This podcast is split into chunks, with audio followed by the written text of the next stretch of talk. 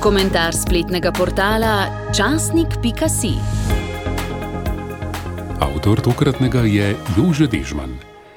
Napovedana ukinitev Muzeja slovenske osamosvojitve in Muzeja novejše zgodovine Slovenije, iz katerih bi potem ustvarili nov javni zavod, je sprožila živahne odmeve.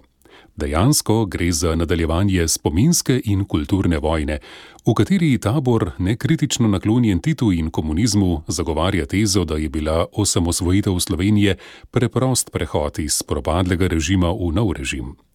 Temu nasproti pa stoji trditev drugega tabora, da se Republika Slovenija temeljito razlikuje od Socialistične republike Slovenije.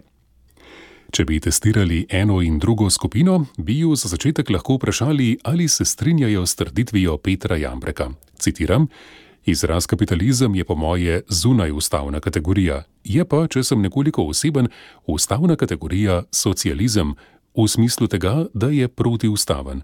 Konec citata. Jambrekova diagnoza je, da je titoizem propadel zato, ker je temeljil na umoru, ropu, laži, strahu in prevari. V premisleku o osrednjih vrednotah upora in svobode Jambrek izhaja iz tega, da so karantanija, kocel, kmečki punti, tabori, majster in upor proti okupatorju slovenskemu narodu oblikovali njegovo samobitnost, po svojih učinkih pa se nobeden ni iztekel v tisti za narod usodni in dokončni zgodovinski proces, ki ga predstavlja gradnja moderne nacije. Obljubo svobode naroda v okviru lastne države je izpolnilo šele duhovno in politično gibanje, ki je v štirih letih od 1987 do 1991 izvedlo program nacionalne osamosvojitve od ideje do njene ustavne in državne veljave v domačem in mednarodnem pravu. In kar že katerakoli slovenska vlada počne, to počne, če se tega zaveda ali ne, če hoče ali noče, v trajni odvisnosti od vrednostnega središča Slovenske republike, katerega sedež je v območju svetega.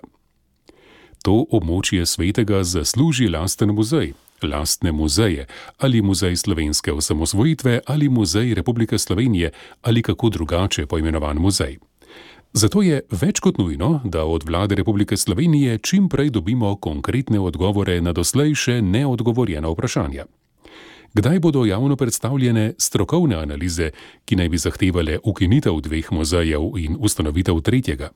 Kakšno bo ime nove ustanove, kakšno bo premoženje nove ustanove, kakšna bo organiziranost nove ustanove, kakšne bodo okoliščine delovanja nove ustanove? Šele ko bomo vedeli odgovore na ta vprašanja, bo mogoča vsebinska razprava. Če pa niti vlada Republike Slovenije nima teh odgovorov, je to krepko norčevanje iz demokratične in pravne države in seveda zaničevanje demokratizacije, osamosvojitve in obrambe Republike Slovenije kot najvišjih dosežkov slovenske nacije. Tako svoj zapis zaključuje Jože Dežman. Komentar spletnega portala časnik.si.